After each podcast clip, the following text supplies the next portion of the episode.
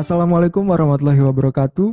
Kembali lagi di podcast dari Syariah.in, a conversation with Gen Syariah. Dan di episode yang kedua ini kita kedatangan tamu yang gak kalah istimewa dari episode sebelumnya. Dan di episode kedua ini kita juga bakalan ngulik nih tentang seseorang yang gak jauh-jauh dari bidang ekonomi syariah juga, merupakan alumni ekonomi syariah juga dan kita pengen tahu nih karena kita bakalan ngulik sesuatu yang berhubungan dengan literasi ekonomi dan keuangan syariah karena tamu kita kali ini adalah orang yang berkaitan atau berkecimpung di bidang yang um, gak jauh-jauh dari peningkatan literasi ekonomi dan keuangan syariah dan langsung aja nih biar kita nggak lama-lama kita langsung welcome aja tamunya halo Bu Lucy apa kabar Halo kabar baik Assalamualaikum Waalaikumsalam warahmatullahi wabarakatuh.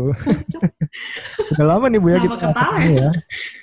iya, lama banget ya. Bener-bener. Bu Lucy, uh, kabar baik ya tadi ya di sana ya? Kabar baik, Alhamdulillah. Kita persilakan dulu kali ya. Bu Lucy untuk kenalan dulu nih Bu, kalau boleh. Ayo dong kenalan sama Gen Syariah semuanya Bu. Oke, selamat pagi, siang, sore, malam Gen Syariah. Uh, nama saya Luciana Ulfaharnawati. Uh, biasa dipanggilnya Lucy sih, tapi kalau di kampus Kak, bukan Kak Lucy sih, Bu Lucy. Biasanya dipanggil Bu Lucy sama tahu pula uh, sama mahasiswa mahasiswa saya. Uh, kebetulan saya ini profesinya sekarang sebagai seorang dosen di program studi ekonomi syariah di salah satu universitas negeri di Indonesia, Jawa Timur lebih tepatnya. Uh, kesibukan saya sekarang selain jadi dosen, saya uh, reviewer jurnal salah satu jurnal terakreditasi nasional Sinta 4. Kemudian uh, selain di bidang akademik saya juga sibuk sibuk pula uh, bikin bukan bikin sih rekaman podcast sama Lido juga salah satunya uh, di podcast kelas pagi dan saya juga editor in chief di syariah.in itu dia. Oke. Lu sini sebenarnya berarti main jobnya adalah seorang dosen ya bu ya?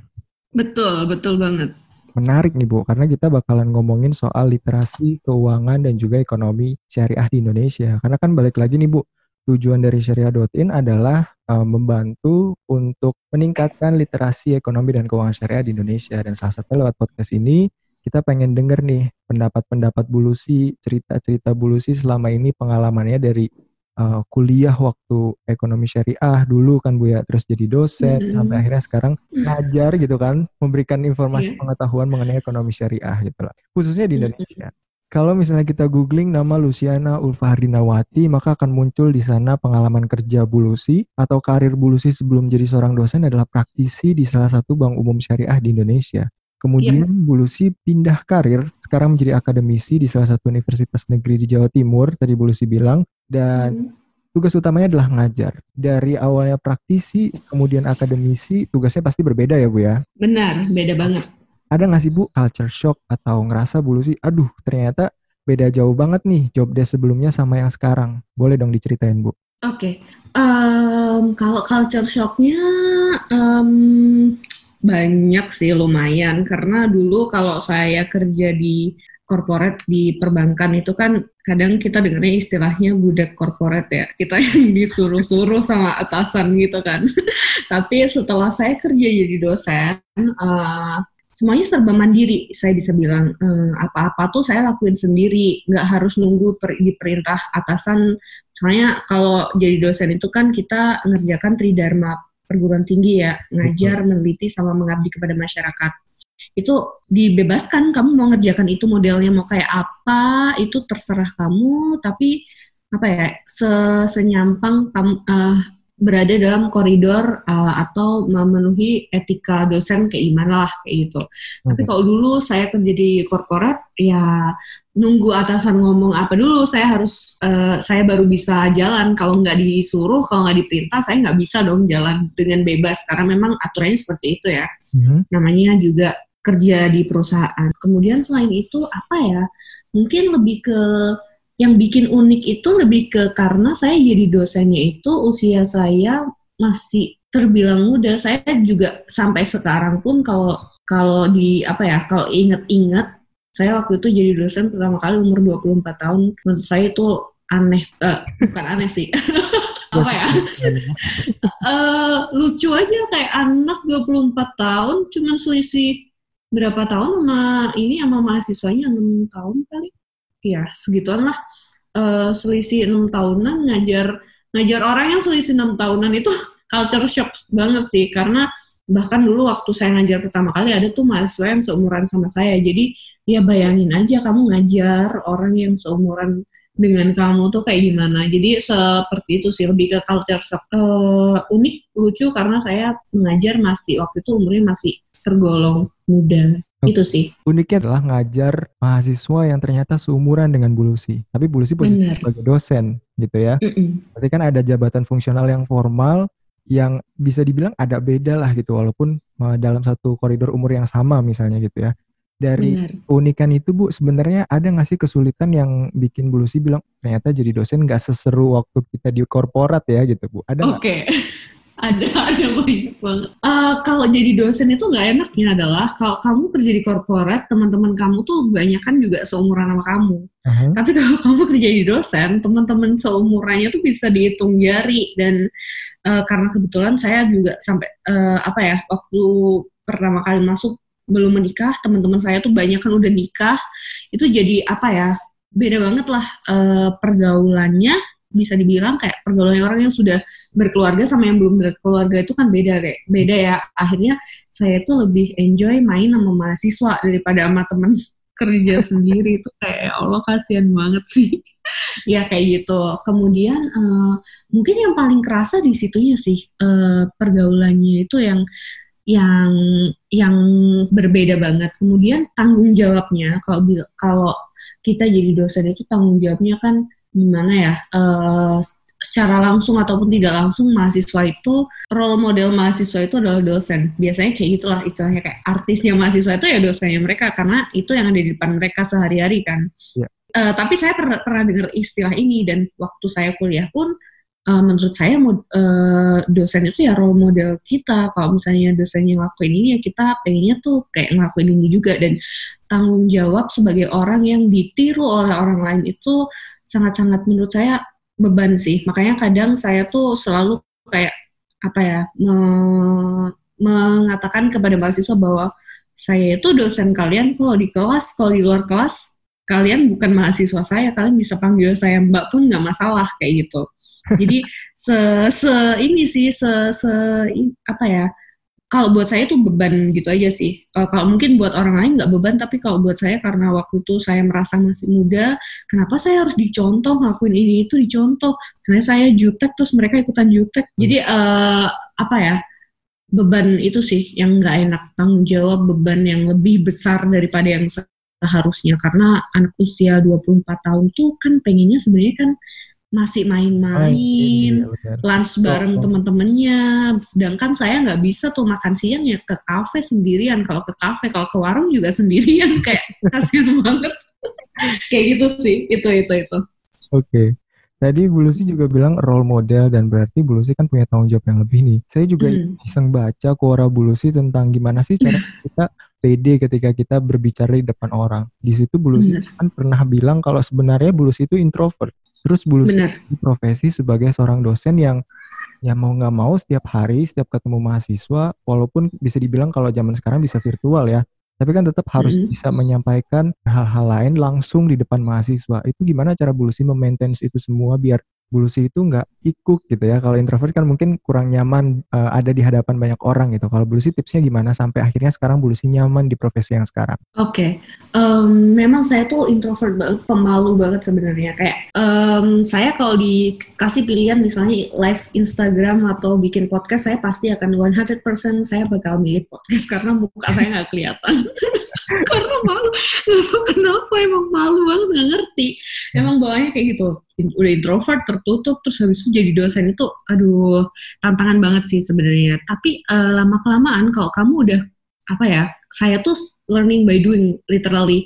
Karena akhirnya belajarnya tuh karena udah kadung tercemplung mm-hmm. ke dalam dunia akademisi ya mau nggak mau kayak ya kali saya di depan mahasiswa habis itu diem mahasiswa diem terus gimana caranya transfer ilmu ya gitu kan. Jadi akhirnya ya uh, seiring berjalannya waktu bisa bisa sendiri dan itu murni murni murni belajar dengan langsung praktek gitu. Nggak nggak uh, otodidak juga karena nggak ada yang ngajarin saya sama sekali. Uh, background pendidikan saya kan S1 ekonomi Islam, S2 ekonomi keuangan syariah yang nggak ada pendidikannya sama sekali. Jadi nggak ada tuh ngajarin ngajarin saya gimana cara yang ngajar yang baik dan sebagainya. Akhirnya bisa-bisa sendiri. Memang memang ada training dari kampus namanya uh, tapi saya lupa kepanjangannya apa. Tapi untuk dosen itu harus lulus lulus lulus itu. Jadi itu diajarin caranya ngajar gimana. Tapi itu kayak cuma dua minggu dan nggak dibilang ngefek sih mungkin uh, at some point ngefek tapi karena pas masuk dulu pertama kali masuk tuh belum dapat pekerti itu jadi saya belajar belajar murni belajar sendiri. Dan nutupin malunya itu kebayang deh nggak ngerti. Saya saya nggak tahu sih kalau orang lain ya. Mungkin kalau Lido orangnya pede atau enggak sih? Kalau saya juga nggak pede bu. Buktinya kita bikin podcast. Bukan bikin channel YouTube ya kan? Iya bener juga ya.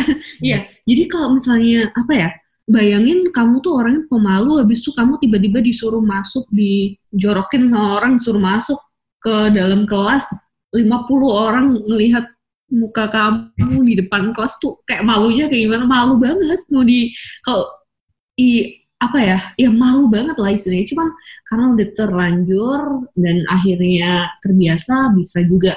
Terus ini ada satu juga yang menurut saya hmm, apa ya? Ini bisa dijadikan patokan kalau misalnya kamu udah jadi guru atau jadi dosen. Okay. bahwa sebenarnya ilmu yang kamu punya itu lebih banyak daripada murid atau mahasiswa kamu jadi eh, nggak uh, usah terlalu minder atau nggak pede karena sebenarnya yang belajar sebelum masuk kelas itu banyak kan dosen dan guru daripada mahasiswa. Saya yakin deh kayak uh, saya bisa hitung dengan jari mahasiswa yang belajar sama nggak belajar yang belajar sebelum masuk kelas karena itu kelihatan banget. Itu kelihatan banget kayak misalnya saya ngumpan pertanyaan ke mahasiswa yang bisa jawab itu berapa sih kalau apa eh, yang bisa jawab berdasarkan materi yang udah kita apa ya kayak sebelumnya udah dikasih tahu belajar ini belajar ini buku halaman ini kemudian saya uh, saya umpan saya kasih pertanyaan di minggu berikutnya uh, apakah mereka nyambung atau enggak itu kayak bisa dihitung jari meskipun udah disuruh kayak gitu. Jadi sebenarnya ya pede-pede aja sih karena uh, kamu pasti lebih tahu banyak daripada murid sama mahasiswa kamu gitu Oke, itu jadi sih. yang jadi kayak pede. bulusi dan bikin bulusi jadi pede gitu ya. Mm -mm. Ngomongin umpan mengumpan nih Bu, Tadi kan Bu okay. bilang kalau misalnya mengumpan itu yang ngambil dari mahasiswa cuma beberapa aja nih yang benar mm siap untuk belajar gitu kan.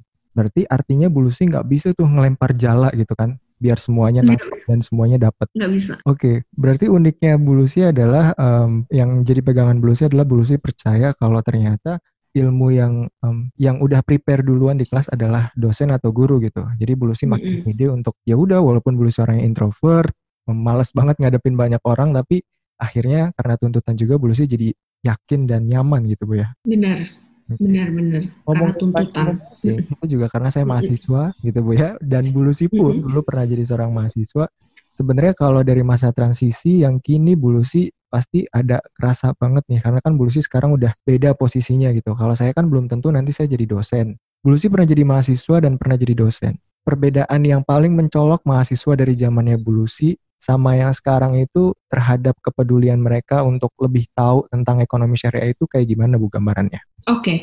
uh, eh, sebenarnya saya dulu lulus S2 kemudian diterima jadi dosen itu jaraknya cuma seminggu. Jadi bener-bener yang anget banget dari mahasiswa tiba-tiba jadi dosen gitu seminggu doang jaraknya.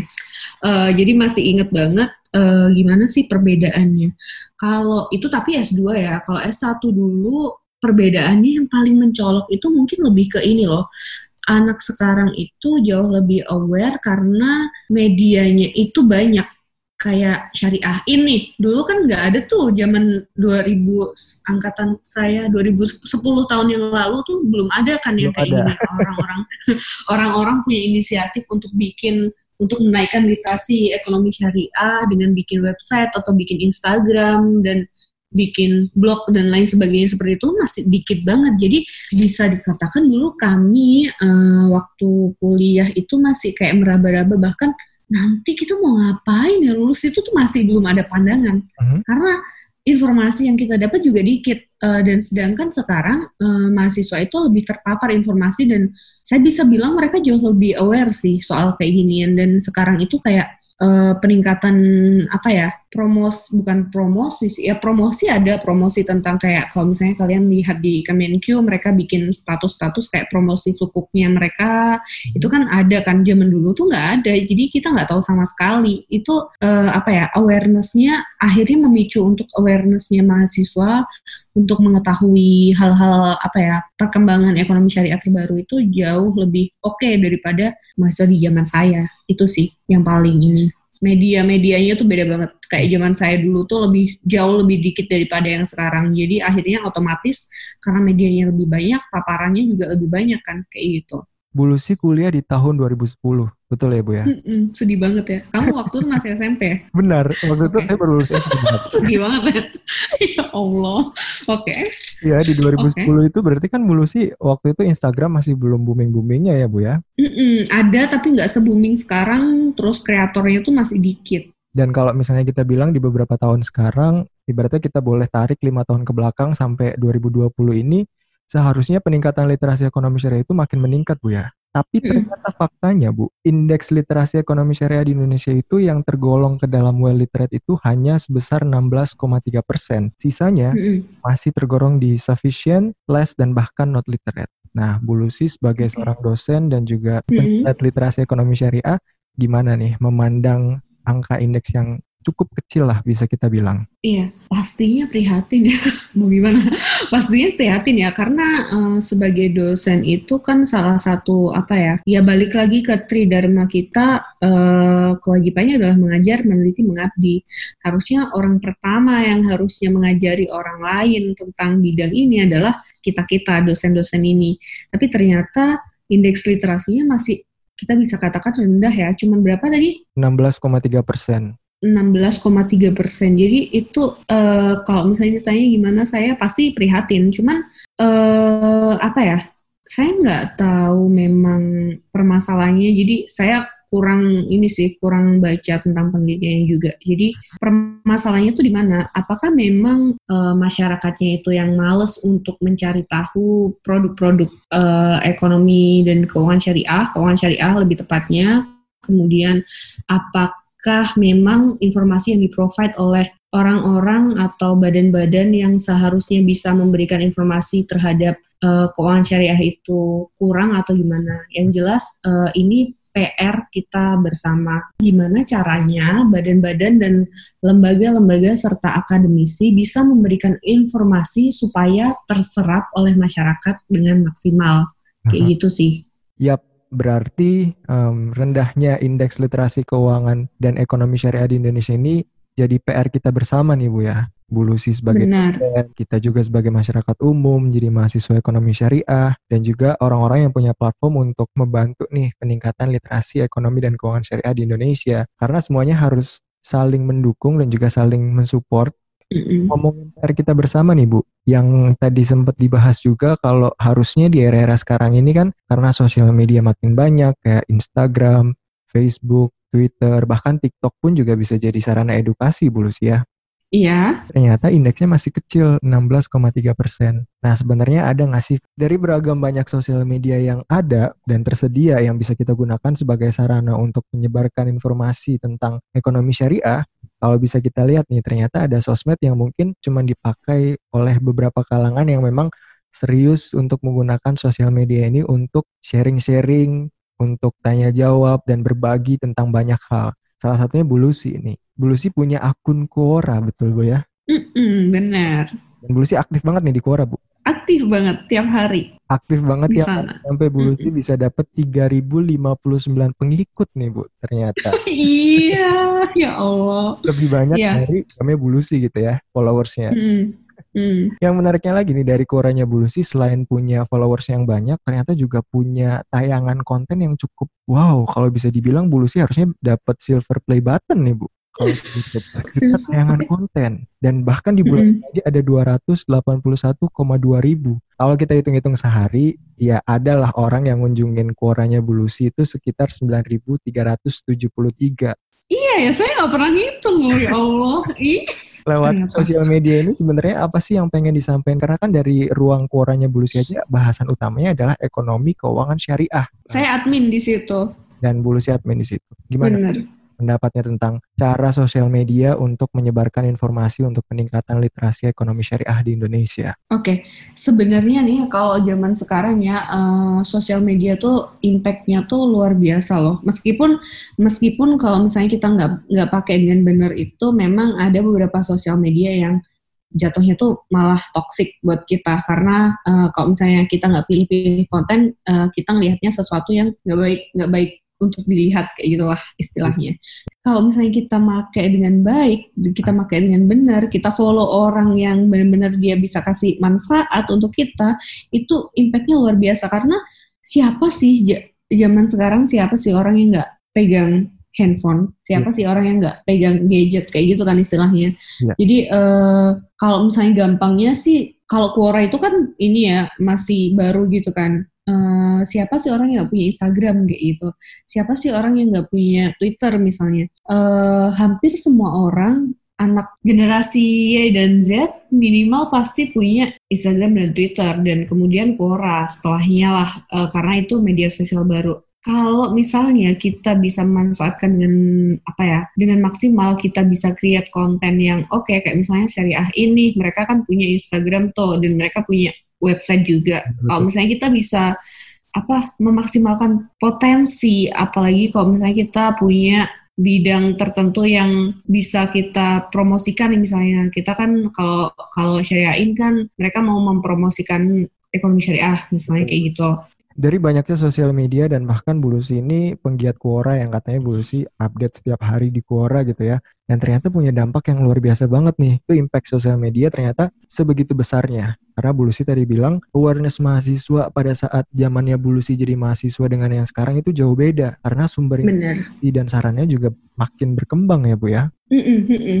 Jadi um, alangkah baiknya kita mulai dari hal terkecil gitu. Nah ngomongin memulai nih Bu sebenarnya kalau bisa kita gambarkan nih dari Bulusi, kalau mau berkontribusi terhadap perkembangan literasi ekonomi syariah di Indonesia ini mulainya dari mana ya Bu? Gitu karena kebanyakan orang mikirnya aduh saya bukan praktisi nih saya bukan pejabat di instansi yang A B C yang concern tentang pertumbuhan literasi ekonomi syariah di Indonesia. Hal kecil apa yang bisa kita mulai dari sekarang dan dari diri kita sendiri supaya kita bisa berkontribusi terhadap perkembangan ekonomi syariah di Indonesia Bu Oke, jadi kalau ditanya hal kecil apa yang bisa kita lakukan, sebenarnya sekecil kamu bikin status itu sangat berpengaruh. Kayak misalnya uh, kita melihat update dari uh, yang paling baru, misalnya ini uh, kemarin Kementerian Keuangan nerbitin sukuk. Kita bisa tuh posting status mengenai sukuk itu. Kemudian mungkin kita bisa jelaskan dikit-dikit yang kita ketahui tentang sukuk. Itu aja udah